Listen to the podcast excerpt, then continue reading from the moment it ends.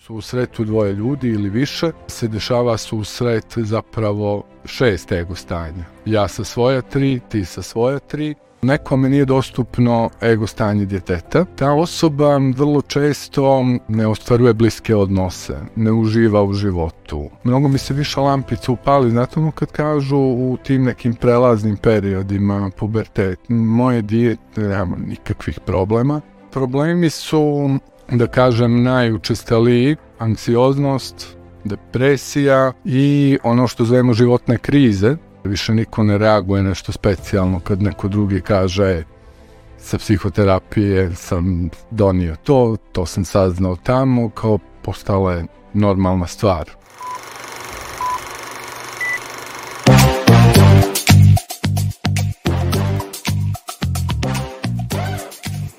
Poštovani gledalci, dobrodošli u drugu epizodu nove sezone Diskriminacija podcasta. U ovoj epizodi udaljavamo se od politike. Naš gost je bio psihoterapeut Žarko Ivanović iz Opte centra. Razgovarali smo sa njim o mentalnom zdravlju mladih, o quarter life crisis koju doživljavamo Nikola i ja trenutno, ali i o aktuelnoj temi vršnjačkog nasilja koje je u sponu u Crnoj Gori.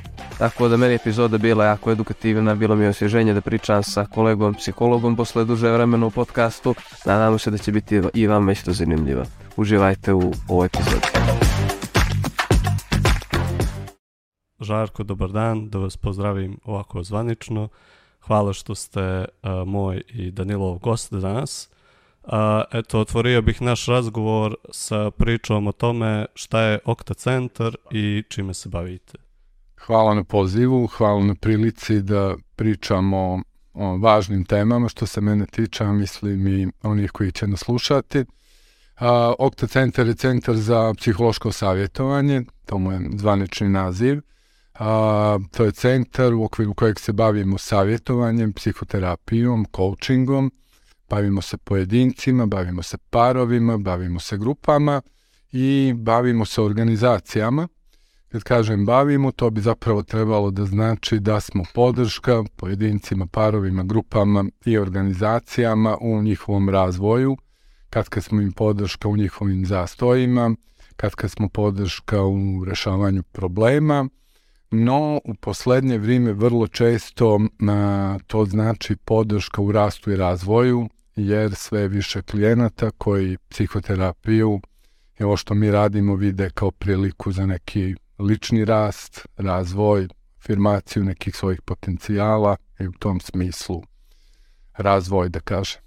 To mi je milo, to mi je mnogo milo da čujem jer sam ja imao i kako u toku djetinjstva, tako i kasnije neki utisak. Znate ono kada, kada ste namirni na čas pa vas pošalju, ajde kod psihologa, ideš da je, ovaj, da je psihoterapija bilo jedno vrijeme da je stigmatizovano u Crnoj Gori, da je pođe, treba da pođeš kod psihologa da se to shvatalo kao uvreda, da bi ovdje ljudi radio otišli da, kod vračara da skinu crnu magiju nego da rade na sebi na, na taj način. Da li mislite da je bio neki moment gdje se to promijenilo, da li sad ljudi opuštenije pristupaju psihoterapiji? Ne znam kako je u školama e, i ja sam iz generacija kad je to bilo e, kao neka vrsta kazne. Zapravo susret sa psihologom može da bude i u najvećem broju slučajeva je jedan jedinstven susret, e, susret iz kojeg treba da se desi nešto dobro, neka promjena, neka kreacija, ovaj, ali e, ja sam iz generacije, kao što rekao, gdje je to bio slučaj neke kazne i neke kao poslednje opcije za rešenje problema. A, ne znam kako je u školama, ali mislim onako na nivou društva da se to bitno mijenja. Nemam neke podatke sad kao egzaktne, ali ono što imam iz iskustva jeste da je sve veći broj poziva. A, to znam iz okte, a, znam iz okruženja, a, gotovo svako koga poznajem ima sate psihoterapije i u tom smislu mislim da se stvar bitno promijenila. Puno radim s grupama, puno radim sa mladim ljudima i to je postalo prilično prirodna stvar. Više niko ne reaguje nešto specijalno kad neko drugi kaže sa psihoterapije sam donio to, to sam saznao tamo, kao postala je normalna stvar. To je moj utisak. Aha, ovaj, mi nismo imali baš odavno psihologa u, u emisiji, pa kako ste mi i kolege, ono, radujem se ovome razgovoru, pa bih u hiljadu tema i da prođem. Eto, ja baš iako, iako neću se bavim psihoterapijom i više se bavim organizacijonom psihologijom, jedno vrijeme, prošle godine prošao sam kroz prvu godinu edukacije za KBT i recimo ta, taj psihoterapijski pravac pravi promjenu tako što se lociraju iracionalna uvjerenja i onda se pretvaraju u racionalna, to kasnije poboljšava uh, to se kasnije pretvara u adaptivno ponašanje, u adaptivne emocije i tako dalje, na primjer Freudova psihoanaliza promjenu pravi transferom, a mi smo baš sad pričali o transakcionoj analizi, ako dosta popularna škola, posebno, posebno u zadnje vrijeme, znam dosta mojih kolega iz Novog Sada je u tome pravcu krenulo da ide, pa bismo o tome voljeli malo da čujemo kako se pravi promjene, kako se dolazi do promjene u pravcu transakcijone analize, što je tu neki ključni, što je neki ključni postulati tu. Pa transakcijna analiza se onako mijenjala od svog nastanka pa ovaj, do današnjih dana. Mm, kad kažem mijenjala, mislim razvijala.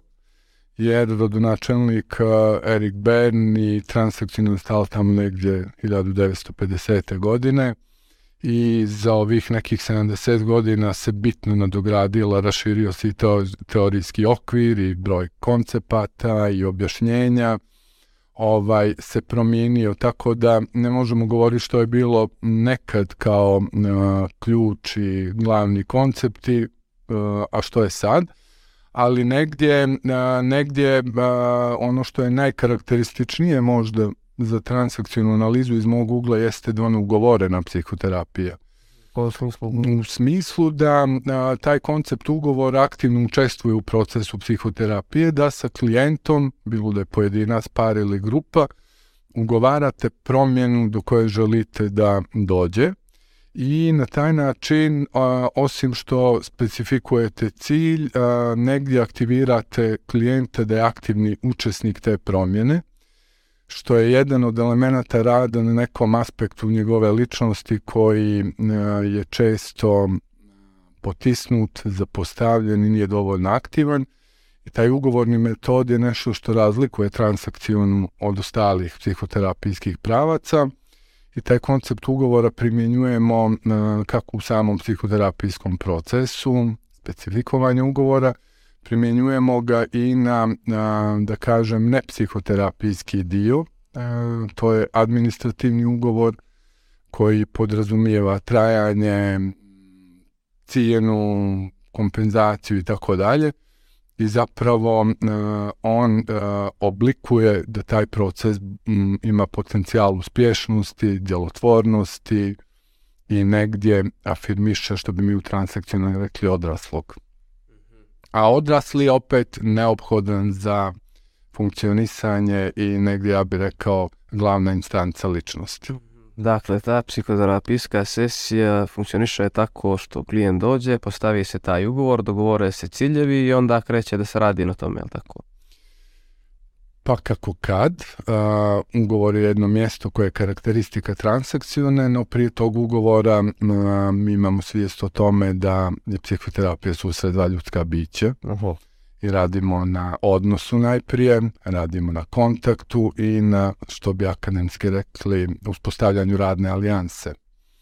Tako da taj ugovor nekad dođe u prvim sesijama, nekad zavisi od diagnostike, nekad dođe puno kasnije, ali kao uh, transakcioni terapeut imam svijest o tome da neke stvari treba ugovoriti.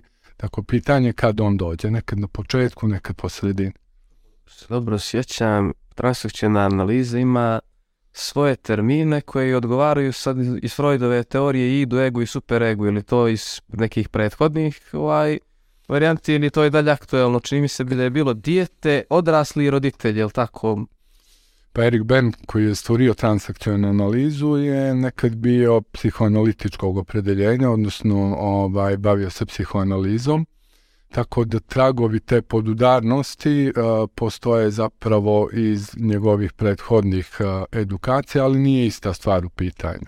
Uh, roditelj, dijete i odrasli su zapravo dio teorije ličnosti koje je razvio Erik Bern, Um, ono je, mislim, to je sad velika priča i ono, zahtijevalo bi više vremena, ali jest su tragovi nje nastali nešto ovaj, u saradnji sa Perlsom, nešto u saradnji sa psihoanalitičkom školom, ali je ma, jedinstvena teorija ličnosti e, to što si pomenuo. Ego stanja, roditelj, odrasli dijete i to je jedan zapravo ma, i od koncepata i alata sa kojima puno, sa kojim puno radimo i na koji način vidimo ličnost i na koji način tumačimo komunikaciju, zapravo na koji način analiziramo. Tu da je naziv transakcijona analiza, jer u međuljudskim odnosima i u susretu dvoje ljudi ili više, ali na primjeru dvoje, a, se dešava susret zapravo šest ego stanja. Ja sa svoja tri, ti sa svoja tri, i u susretu tih šest ego stanja se dešava komunikacija, ali se u toj komunikaciji dešavaju transakcije u različitim pravcima i analizom tih transakcija dolazimo do na nekad uvida, nekad rešenja i tako dalje. Mhm, to mi je zanimljivo, znači susret. Žarko, uh, izvini, ovaj, Danilo, a koji su to uh, problemi a, sa kojima ljudi najčešće dolaze, evo, konkretno u Okta centru? A, pa možda a, problemi su, a, da kažem, najučestaliji, a, anksioznost, depresija i ono što zovemo životne krize. A, ono što je bilo zanimljivo jako jeste za u vrijeme pandemije smo imali i nama je bilo iznenađenje, iznenađujući porast parova. Jer do tada kao ono na nivou mjeseca ima, maj da kažem, 3-4 para koji se jave. Ja si iznenađujući porast parova kao klijenata. Da, da, da. U doba pandemije to kao ono se utrostručilo. Tako da eto, to su neki najčešći problemi. Ima naravno, ima naravno i drugih ali a, mi je zanimljivo i imam inspiraciju na tragu ovoga što smo pričali o transakcionoj analizi i o ego stanjima, zapravo a, najčešće ljudi dolaze zbog a, nedostatka ili neispoljavanja nekog od ego stanja. Na primer, a, ako nekome nije dostupno ego stanje djeteta, ta osoba vrlo često ne ostvaruje bliske odnose, ne uživa u životu, nije kreativna, jer ego stanje deteta je taj potencijal koji nosimo u sebi. Ako kod nekoga to nije dostupan izvor ili je minimiziran, ta osoba ovaj, ima poteškoći u komunikaciji, u ostvarivanju bliskosti, u doživljaju radosti vezano za posao, vezano za bilo koji drugi aspekt života. Tako da jezikom transakcijona analiza osoba može da dođe za to što neko ego stanje nije dostupno. Ponekad nije dostupan odrasli. Kad nije dostupan odrasli, zapravo u toj unutrašnjoj psihodinamici imamo a, dijalog ego stanja roditelja i ego stanja deteta. Taj dijalog zna da bude nekad a, istrpljujući, i kad nemamo dostupno činjenice, informacije, odnosno načine kako da, a, kako da ugovorimo i harmonizujemo tu unutrašnju komunikaciju, a, ljudi dođu do, nekog, do neke vrste zastoja i tada se takođe obrate. A da li je... Znači, u Crnoj Gori... Izvini, ovaj, da li je... Ali izvini, mogu li još nešto? Da Aha. završim ono treće. Postoji, a, postoje ličnosti i osobe kojima nije dostupno ego stanje roditelja. A, to ego stanje zapravo a, sadrži neka pravila, neke norme, etiku, kako treba da se živi i zapravo a, klijenti koji imaju suficit, odnosno deficit tog ego stanja, oni nam se zapravo najmanje javljaju. Međutim, javljaju se o ničiji sadržaj roditelja je nekada kritikujući, opterećujući, sabotirajući i koji žele da razviju unutar svoje ličnosti, neke njegujuće aspekte podržavajuće ili zapravo da transformišu to ego stanje u ono što su nedostaci tog ego stanja. Znači, vidiš to što koji imaju stanje roditelja nije dostupno, to je bio neki antisocijalni poremećaj ličnosti, pretpostavljamo nekom ekstremno, ovaj, ili psikopat, ali neće definitivno da dolaze na psihoterapiju.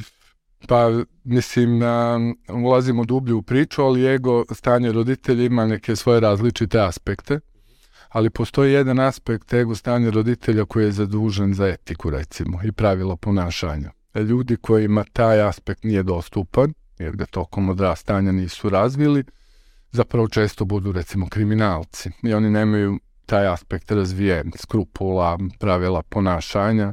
I u tom smislu sam rekao, oni ne, rijetko dođu na psihoterapiju. Kako bi, dobro, tako bi se, sam jasno prilike kako bi se razvijao to antisocijalni poremećaj ličnosti, kako bi se, kako bi transakcijona definisala kako dolazi do razvitka, na primjer, narcisoidnog poremećaja ličnosti. A, Koji stil roditeljstva bi tu išao?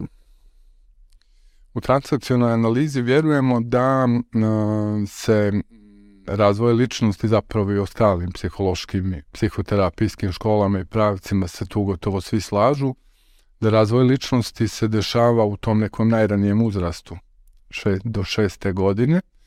Naravno se on kasnije obogaćuje, ali neke glavne poruke o tome ko smo, kakav je svijet, kakav je život i tako dalje, zapravo dobijemo na tom ranom uzrastu i te poruke a, su podhranjene u našem biću i zapravo a, tokom života ćemo mi, ukoliko se ne desi promjena, onda se rijetko desi, zapravo ovaj, živjeti te neke poruke.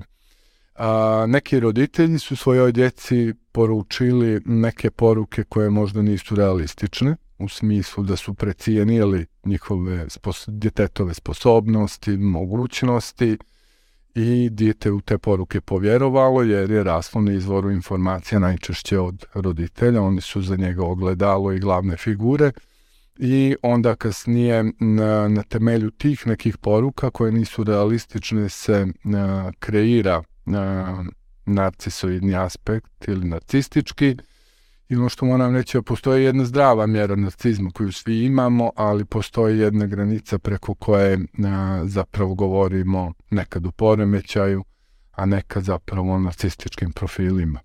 Rekli da se ta granica nalazi? Pa pitanje gdje se nalazi jeste možda na, u empatiji i u nivou empatije koliko imamo na, osjećaja i a, koji, na koji način doživljavamo druge. To je jedan dio tog odgovora, jer a, u ovoj granici koja pređe tu neku, a, zapravo se taj nivo empatije smanjuje. Mm -hmm.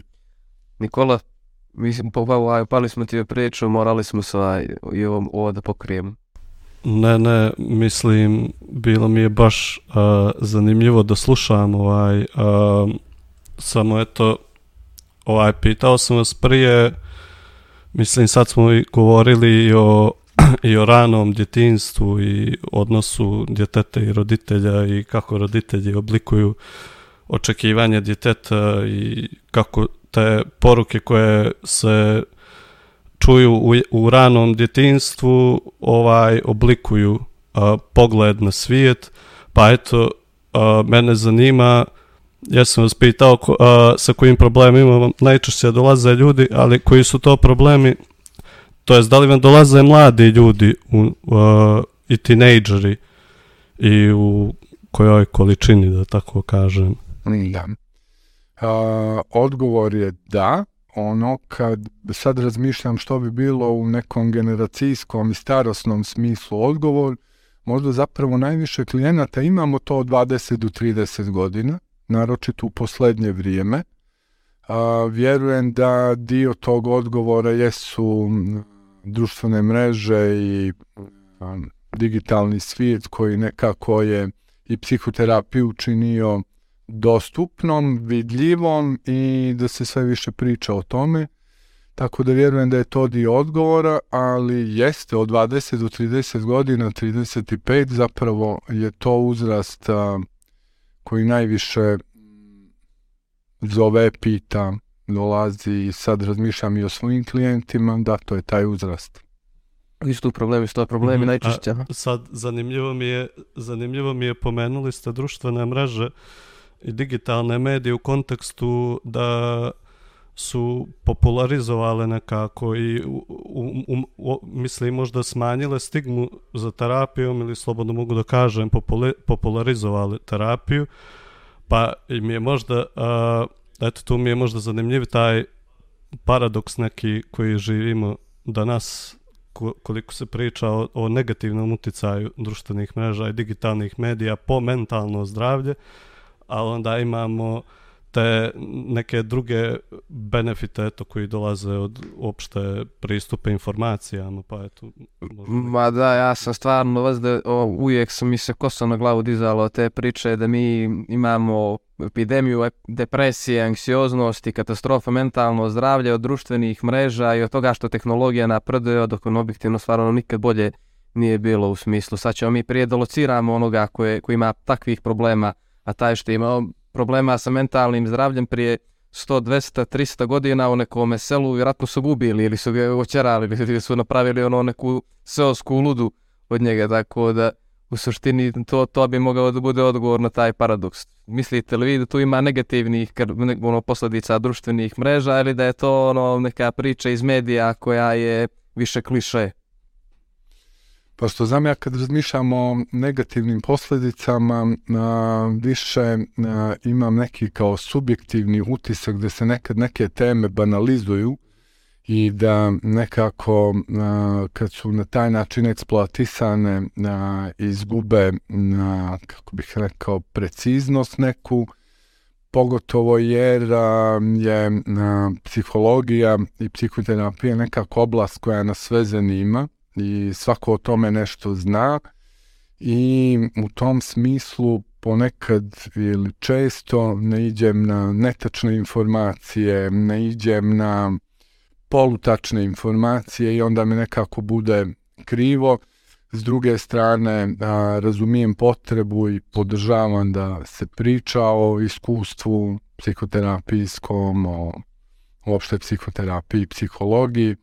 Tako da negdje mislim taj paradoks u bilo kojem polju uvijek postoji i da je na nama da imamo aktivnog onog odraslog, da provjerimo, baratamo činjenicama i u tom smislu budemo svjesni. Da, u smislu, mislim da ne znam, postoji li možda, ajde da kažemo, tema nutritivno, šta- je zdravo da se jede, šta nije, možda jedino ta tema ima više bullshita nego što psihologija ima na društvenim mrežama, ono, u smislu ni one slike emotivne, kao ukoliko, vi ste li znali da ukoliko nekoga saljate, to znači da misli na vas. Da, kaže, tako da, da, ima Dobra, dobra ti je paralela. Sviđa mi. law, law of, of attraction i tako dalje. A kad smo, kad smo kod toga, eto, ono što možda i najviše gdje bullshit ima na društvenim mrežama što se tiče i mentalnog zdravlja i, i psihologije se možda tiče stilova vezivanja, e, parova i tako dalje. Pomenuli ste još, još nije da su da ste imali dosta ovaj, klinata koji su parovi, pa me baš interesuje sad opet to iz aspekta transakcijone analize, Uh, ja sam izučavao onaj, onu teoriju attachment style, anksiozni, anksiozni stil vezivanja, pa izbjegavajući onaj koji stavlja zid oko sebe i udaljava se čim uh, krene da, se od, da odnos postaje intimniji i tako dalje. Da li koristi transakcijona također sad? Imamo cijelu, cijelu ovaj, e, teoriju i teorijski okvir oko attachmenta, ali ono što mislim da je e, zanimljivije reći na tragu ovoga o čemu smo pričali, možda i vam bude korisno, transakcijna analiza što se partnerstva tiče, a, vidi to na način da trebaju biti aktivna sva tri ego stanja.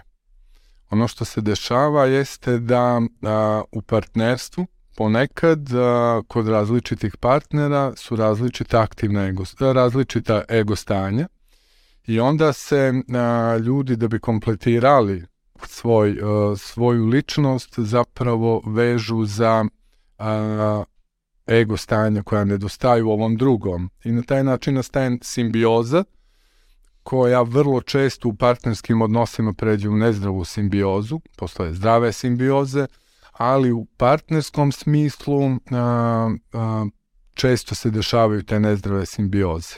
u terapijskom smislu ili savjetodavnom smislu, jer to česta priča parova, gdje zapravo imate a, to da recimo a, jedna osoba ima jego stanje djeteta, ali nije razvilo svog odraslog i roditelja, a drugi partner nema jego stanje djeteta, već ima odraslog i roditelja. I oni se na taj način povežu i nadopunjuju što do jedne mjere može da funkcioniše, ali najčešće, najčešće dolazi do nekog osjećaja da tu nešto nedostaje. I mi u tom smislu radimo na afirmaciji sva tri ego stanja, jer za zdravo funkcionisanje, za dobro partnerstvo nam trebaju sva tri ego stanja. Roditelj nam treba da uredimo neka pravila, norme, etiku, odrasli nam treba da budemo otvoreni i da imamo kapacitete za rešavanje problema. I dijete nam treba za bliskost, za intimnost, za kreaciju, tako da neophodne su sva tri. Mm -hmm. Znači, u suštini, ako se ovaj, jedna osoba u vezi ponaša kao majka prema sinu, to ne vađa, to je, to je to priča. priča. To je, to To je ta priča. Ta osoba a, koja se ponaša kao majka prema sinu, najčešće jezikom transakcione analize ima razvijeno to roditeljsko ego stanje, a ona druga osoba ima razvijeno ego stanje djeteta. Nedostaju ostale komponente da bi to mogli da pričamo o nekoj dobroj, potentnoj, funkcionalnoj vezi. Mhm. A, ja bih Nikola, se... krenuo si ti nešto da pitaš? Izvini, Danilo, jesi ti krenuo nešto? Ne, ne, tebe sam pitao jer si ti uključio. E, da, ja sam htio, a, mislim, baš mi je, a, zanimljivo mi je da slušam jer nisam bio upoznat sa ovaj postulatima a, teorije transakcione analize, tako da mi ovo dođe kao neko predavanje. A ovaj pomenuli ste eto da imate veliki broj klijenata u 20. i ranim 30. godinama, a primijetio sam ovaj, mislim to poslednjih nekoliko godina, ovaj jedan izraz ili koncept koji se popularizovao u psihologiji je uh, quarter life crisis i odnosi se na, i, pominjali ste i ranije uh, krize, pa eto, mislio sam da nam može, možda možete reći nešto o tome i a, je, li to, je li to zvanični termin i da li, da li, ljud, da li klijenti koji vam se javljaju imaju te simptome quarter life crisis, ako mogu tako da se izrazim. Ovo pitamo zato što mi imamo simptome quarter da, life ima, crisis. napravili smo podcast. I za to smo podcast napravili, jes. I mene zvali. Ovaj, terminološki mislim da je to novo uh, i sve će se češće pominje kao formulacija. Ne znam koliko je, uh, Nikola je pitao koliko je zvanično, ne znam odgovor na to pitanje. Uh, no u smislu razvojne psihologije nije novo, samo je nekako malo kao na drugačiji način formulisano i nešto je dodato. I zapravo mislim da a, se dešava neka vrsta psihološke tranzicije kao i na drugim poljima, tako i na nivou na psihološkom se dešava ta tranzicija. I mislim da je ta razvojna faza zapravo postala vidljivija i drugačija, iako ona od uvijek postojala, a, i u teoriji transakcijne analize i u razvojnoj psihologiji, Erik Erikson je o tome pričao i Da. da. Tako da a, mislim da suštinski nije nova, ali ima neke nove oblike i obogaćene nekim novim ovaj simptomima, jer se dešava, po mom mišljenju, a, psihološka tranzicija koja je to plasirala i učinila vidljivim. Ja dok razmišljam ovaj, o tom fenomenu, zapravo mogu da kažem da, ha, vidiš, pa i mi smo ovo prolazili. Ja sam prolazio kroz nešto slično, ali tome tada nismo davali ime, nismo smjeli o tome da pričamo jer nešto nije bilo u redu s nama. Zapravo smo imali nalog da moramo da budemo takvi, takvi i takvi. I zašto to govorim? Zapravo jer u toj promjeni i u toj tranziciji je važio jedan obrazac a, očekivanja kakvi treba da budemo i nekako je većina slijedila taj neki šablon. A, što se dešavalo unutar nas, o tome se nije puno pričalo iz raznih razloga i sad se desila promjena. Sad se o tome priča i mladi komuniciraju ovaj, što je ispred njih i što je unutar njih i onda se tome dalo ime kao neka ovaj, kriza. Zapravo ona je normalan uh, proces u tom periodu gdje treba da odgovorimo na neka važna pitanja jer zapravo po teoriji transakcijone analize i po mnogim drugima to neko razdoblje a, je faza reintegracije i integracije gdje treba negdje da a, kolokvijalno se izrazim da složimo i presložimo neka iskustva tokom odrastanja i to je ozbiljan zadatak. Pogotovo ako kroz razvojne faze koje smo prolazili uh, od rođenja do te da kažem odraslog doba. Smo među nešto preskočili. Ako smo nešto nešto preskočili, ako nismo dobili adekvatne odgovore, a većina nije jer ne postoji idealno uh, niti djetinstva, niti roditeljstva i onda uh, taj zadatak postaje ozbiljan, pogotovo u današnje vrijeme gdje se a, promijenila ta paradigma i ti odgovori se traže, da kažem, da odgovorimo na pitanje ko smo, što je naša svrha u životu, kako karijerno da se opredijelim i tako dalje i tako dalje, kako socijalne uloge da zadovoljim, partnerske, bračne. I ovaj uh, u tom nekom sukobu uh, i promjeni paradigme zapravo uh, se dešava kako se to zove kriza. Da, pa to je zanimljivo kako sad ovaj sve bolji i bolji standard života dovodi do toga da se da razvitak, da razvijanje traje sporije, dakle širi se, ubacuju se tu neke nove krize, ubacuju se tu neki novi stadijumi, prije toga nije bilo, nego sa 14, 15, 16 godina nema što da razmišljaš o e, smislu života ili što ćeš u, u karijeri, nego fino motika u polje i da se ženi čovjek ono odmah je da se pravi ono, bukvalno odmah familije da se, da se pravi. Sad kad ima više opcija ili to, to što biste vi rekli da je uh, karakteristika te krize, quarter life krize, da se traži smisao, ono, da li sad da razvijam karijeru ili da se da, da, imam stabilnu vezu i da se smirim ili da li da se da li da ulazi da, da li stupam brak sad ili da u brak stupam sa 35 godina, da li da uopšte ne stupam u brak tako dalje, ali to to ta to ta potraga za smislom koja fali. Mislim da jeste. Uh, ono što čujem od klijenata koji su te te dobi jeste često na ovo što se govorio. Da, hoću, ali ne još. To je potreba da se još više istraži. I nekad, nekad te krize sa sobom nose i neke, da kažem, konsekvence koje nisu prijatne i razviju se nekad u oblike zavisnosti. Nekad se razvija anksioznost, depresija i uopšte neki disfunkcionalni načini preživljavanja. To je manji broj slučajeva, veći broj slučajeva je ova konfuzija a, što je svrha, kut, kako, što hoću, neću, da, ali i a, koliko god možda zvučalo a, surovo za one koji prolaze, a, ja mislim da ta kriza ima neki a, potent potencijal koji e, će da iznjedri dobre odgovore.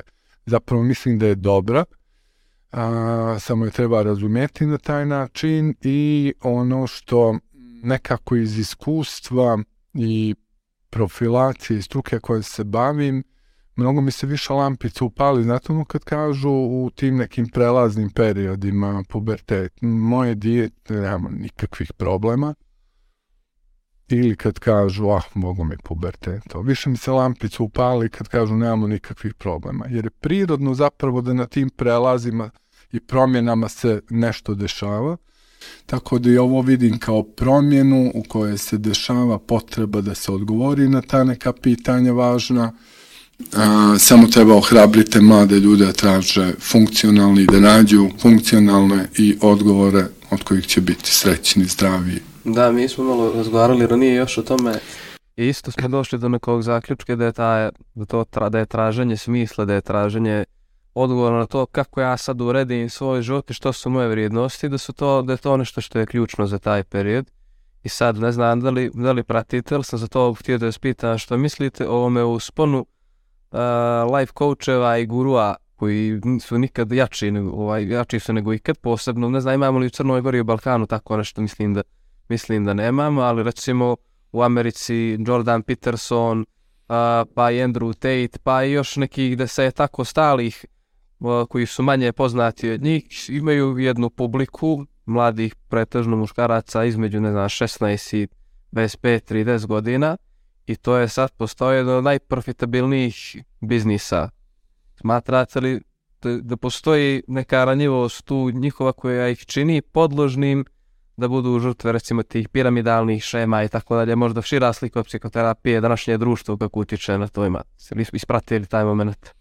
Um, pa ja sam, ne znam to drugo ime, ne, nije mi poznato. Ezra.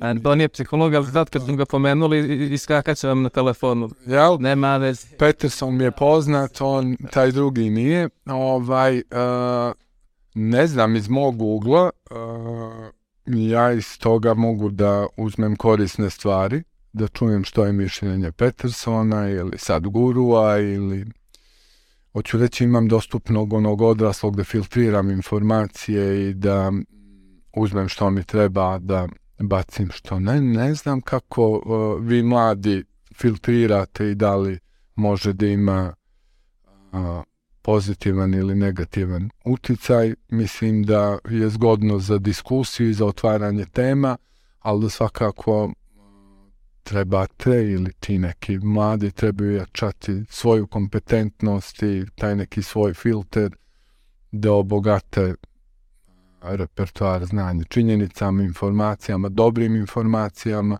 i u tom smislu mislim da je pred, pred svima nama zapravo taj zadatak. Ja mislim Peterson je drugo, on je opet profesor sa univerziteta i tako dalje, možda ne, ne zaslužuje se nađe u ovoj grupaciji koju, na koju sam ja mislio, to su više određeni guruji koji promovišu ultra, ultra skup, ultra uh, luksuzan život i onda to koriste kao način da prodaju svoj proizvod koji je obično ono, piramidalna šema. Ti govoriš guru i u smislu influencing, je, u smislu... U smislu, u smislu influencera, da nisi mislio budu sama... Da, da, da. Već sam utišao na sad guru i na ostalu ekipu. Ovaj, ono što smo još htjeli da vas da vas pitamo, a to je baš povezano i sa nekim momentima koje, o kojima smo pričali do sad, vezano i kako i za odrastanje, za psihoterapiju, tako i za u tendenciju da mi sad kako prolazi vrijeme, kako je sve bolje, bolje i ljepše i bit će sve bolje i bolje i ljepše, nadamo se imamo, primjećujemo neke probleme, a to je, recimo, recimo u Crnoj Gori, če, u, baš su dosta česti slučajevi vršnjačkog nasilja.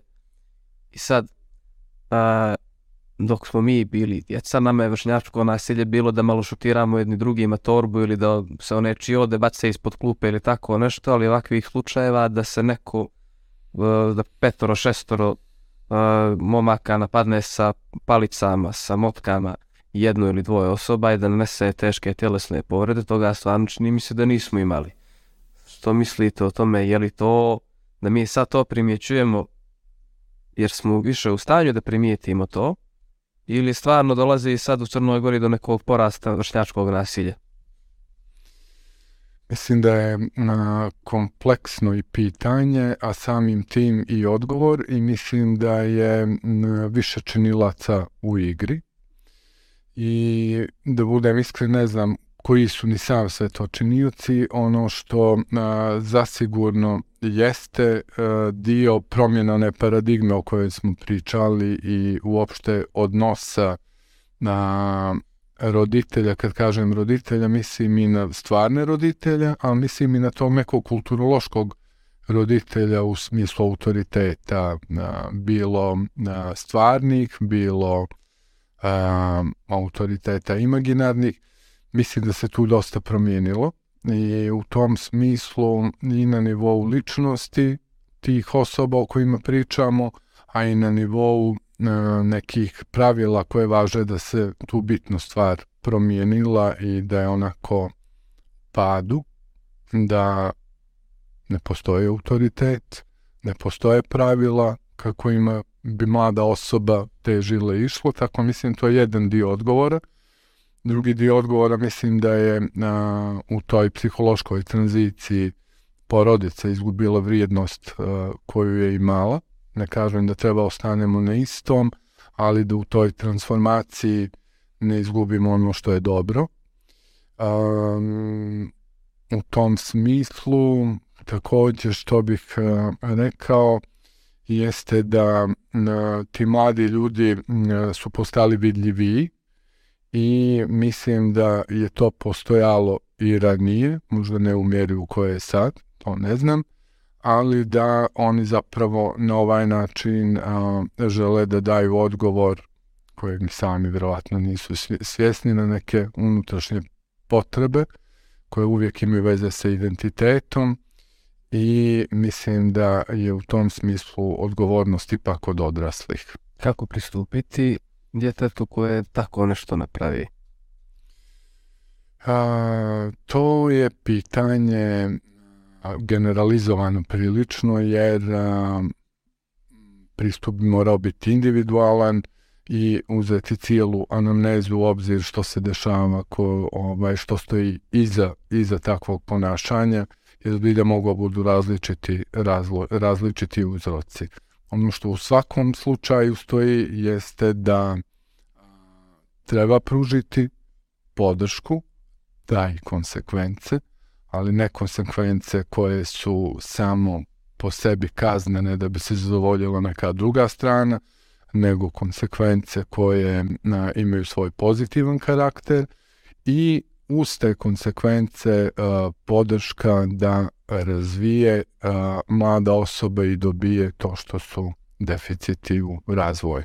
Jasno, potpuno, ali smislu... Da li, da li, izvini, ovaj, da li, a, da li kod vas imate klijente koji su bili žrtve nasilja ili eto sad u vezi s ovim prethodnim Danilovim pitanjem a, da su o, o, o počinioci nasilja, da su nasilnici, bilo da govorimo ovako o fizičkom nasilju ili da govorimo o nekim drugim oblicima nasilja?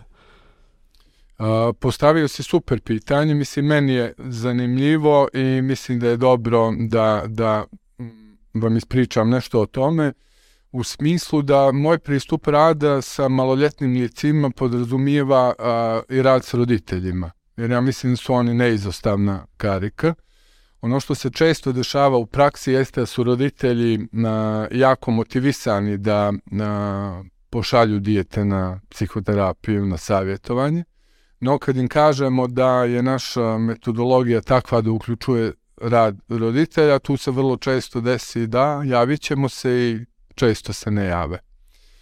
A, tako da a, malo slučajeva imam da su tinejdžeri sami bili motivisani da se jave. Ima takvih slučajeva, ali ih je jako malo i još manje slučajeva da su roditelji se uključili ovaj, u proces psihoterapije. One koji su se javili, imam u glavi nekoliko primjera, smo imali izvanredne rezultate i ono bili su jako zadovoljni onim čime su postigli, ali su se bili uključili u tim slučajevima oba roditelja. Mm -hmm. A vi isto, mislim, jedna stvar koje sam vas, koje sam vas pitao, kako pristupiti Znači, mislim, to je razlog zašto ste vi psihoterapeute, ja neću biti, vi ste profesionalac tu. Kako vi pravite distinkciju, sad dođe vam dijete koje je izvršilo nasilje. Znači, sa petoro drugova je motkama izbio mlađe dijete. Ne može da vam bude simpatičan. A transakcijona analiza se zasniva na izgrađivanju odnosa između dva ljudska bića. Kako pristupate tu? E, to je malo priča o transferu i kontratransferu. A, kao psihoterapeut ste obučeni da imate a, svijest što se dešava a, u tom smislu transfera i kontratransfera, a, što a, poziva koje sadržaje klijent kod vas i vi kod klijenta. Kompetentni terapeuti o tome vode računi i umiju sa tim da rade, tako da u kontekstu simpatičan i nesimpatičan to nije tema motivacija psihoterapeuta jeste da a, pomogne, podrži promjenu i u tom smislu mi tu osobu preko puta vidimo kao ljudsko biće i navijamo da ona, on ili ona postigne promjenu koja je ugovorena i zbog, zbog koje smo tu. I vidimo širi, e, širi aspekt toga jer e, ako smo se sreli, to je prilika da se promjena desi i ta promjena je važna i za njega, ali je važna i za zajednicu. Sjećam se citata među treće godine osnovnih studija vaše spremeta psihoterapija kaže može psihoterapeut da ima dobrotu Isusa Hrista i mudro Sokrata ukoliko sam klijent ne želi da se promijeni, ne dolazi i do promjene.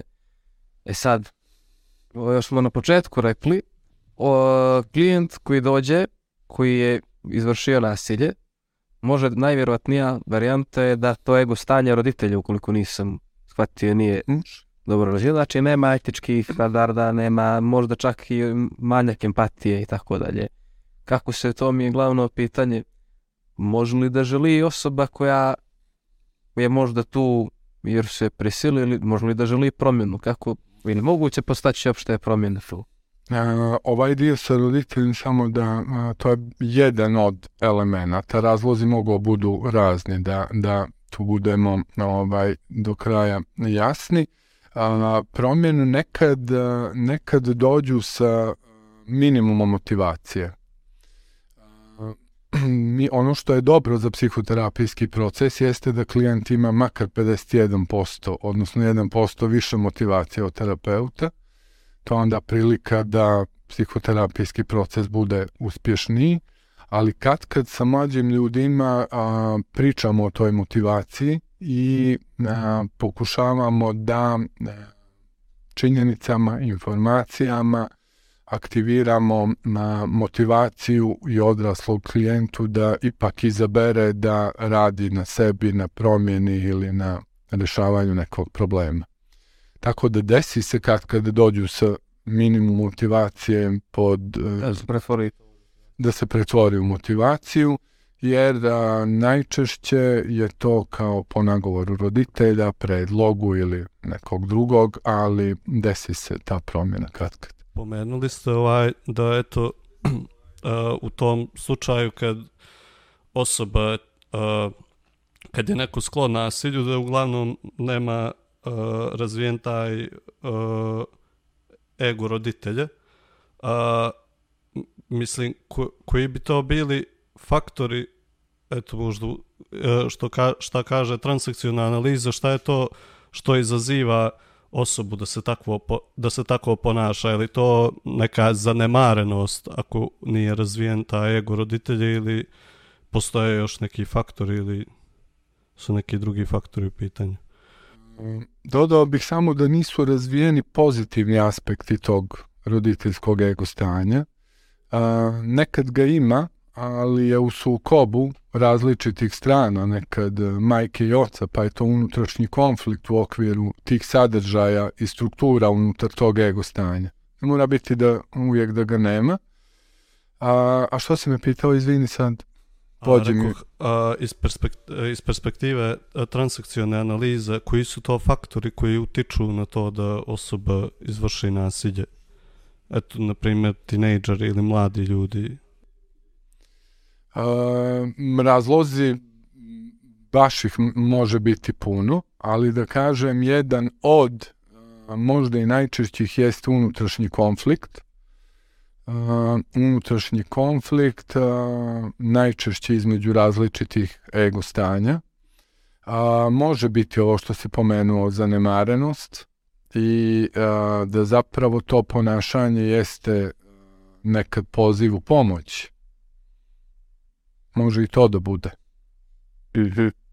A što mislite da su tu faktori, eto osim roditelja u javljanju, matrate su roditelji baš glavni faktor tu ili eventualno kultura, obrazovanje, socioekonomski status? Nisu, nis, ne mislim da su ovaj, mislim da su najčešće roditelji, ali ne, ne uvijek. Uh, moram uvažiti sociološki kontekst, uh, moram uvažiti razvojni kontekst, uh, vršnjački.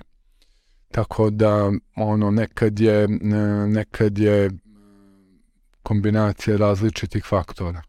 Da, mislim, eto recimo baš je Radoje Cerović pričao na tu, na tu temu a, iz sociološkog konteksta, da što je veći, što je veća, veći rascijep između najbogatijih i najsiromašnijih, znači što je veća nejednakost u društvu, to je više nasilja. Baš je dao primjer Islanda koji je najegalitarnija, najmanje nasilna zemlja i Južna Afrika koja je najneegalitarnija i najnasilnija zemlja. Gdje je tu, gdje je tu tačno Crna Gora što se čini bliže u ime ili... Uh, ja sam sklon da razmišljam više o tom stepenu nasilja. Kad imamo ovo nešto što bismo nazvali brutalno nasilje ili što bi pripadalo nekim, da kažem, uh, ozbiljnijima, da sva su nasilje ozbiljna, ja zapravo mislim da tad korijene treba tražiti u ovome što smo pričali o odrastanju i disfunkcionalnom roditeljstvu i tako dalje i tako dalje. Što je taj oblik nasilja uslovno rečeno blaži, onda možemo govoriti o tom nekom drugom uticaju, sociološkim faktorima i zapravo je vrlo često u praksi kad čujemo od roditelja ili od klijenata zapravo ovaj mislim da na taj način možemo korelaciju tražiti. A da li mislite onda takođe možda da debankujemo još jedan mit psihološki pred kraj ovaj, za video igrice i filmove? Smatrate li da oni postiču sad nasilje među omladinom ili je to još jedan od klišaja? Ukoliko na, u osobi postoji potencijal i unutrašnji konflikt, ajde da oko toga ovaj, zaokružimo, Mislim da na igrice, e, filmovi i virtualni sadržaj mogu biti stimulus e, za razvoj i za manifestovanje nasilja. Ukoliko u osobi to ne postoji, mislim da će igrice teško da te izazovu. Da izazovu. Mogu u nekom, u nekom obliku, ali onda bismo vjerovatno diskutovali je li to nasilje ili nije. I u tom smislu bismo se uvijek vraćali na onu definiciju što je nasilje je li ono kad smo mi bili bilo nasilje ili nije. Tako da, no, koliko govorimo o ovim ekstremnim slučajevima, mislim da igrice, ukoliko osoba nema taj potencijal u sebi u smislu nekog konflikta, u smislu a, nekog razvojnog deficita, ne mogu imati bitan uticaj. I obratno, ukoliko ima, onda da, Znači, dokle nekoga ne gađe pa pučom ili dokle se ne pobiju u školu, da roditelji ne brane djetetu igrice da ih igra. Ovaj, ono što bi tu bilo ovaj, uh, zanimljivo pitanje ukoliko govorimo o nekom sad pretjerivanju, jer postoji neki vjerovatno uh, dobar odnos prema tim igricama, ali postoji neki koji prelazi neku mjeru moje pitanje tu uvijek bilo, bi bilo za a, roditelji, za tu osobu što je to što dobija tamo, što ne dobija u realitetu i tu tražiti odgovor. Nikola, imaš ti još neko pitanje? Pa mislim, ja sam samo htio da pro, prokomentarišem u kontekstu ove priče što smo uh, prošli sad um, o tim oblicima nasilja. Mislim, to ne mora samo da bude da O, mislim, najvidljiviji je naravno slučaj kad neko uzme šipku i izbije nekoga i to prenesu mediji to vidimo svi u državi, u regionu i tako dalje. Ali eto, postoje naravno i drugi oblici nasilja koji takako utiču na pogotovo na djecu u razvojnom stadijumu. Pa ne znam da li imate nekih iskustava možda iz Oktocentra koje biste mogli da nam oko kratko možda predstavite? A, iskustvo a, koje mi afirmišemo i koje želimo nekako da damo doprinos da zaživi jeste zapravo u dijelu komunikacije. A, kad kažem komunikacija, mislim na vještinu i na a, asertivnost, što zapravo i nije samo vještina komunikacije, nego zapravo i način življenja i a, iza toga je cijela jedna filozofija i a, negdje afirmišemo ideju asertivnosti i jednom prilikom sam rekao asertivnost će spasiti svijet.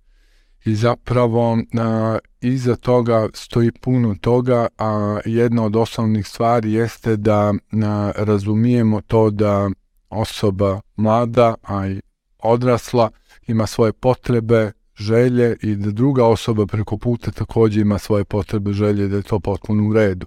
Ali da razumijemo da jedni i drugi imamo te potrebe i želje. Ono što je a, a, kod agresivnog ponašanja, kod nasilja, kod agresivne komunikacije, a, često stvar jeste da uopšte ne priznajemo i ne vidimo da ta druga osoba isto kao i mi ima potrebe, želje, očekivanja, ciljeve, već nekako vidimo, da je to često na nesvjesnom planu, vidimo samo sebe.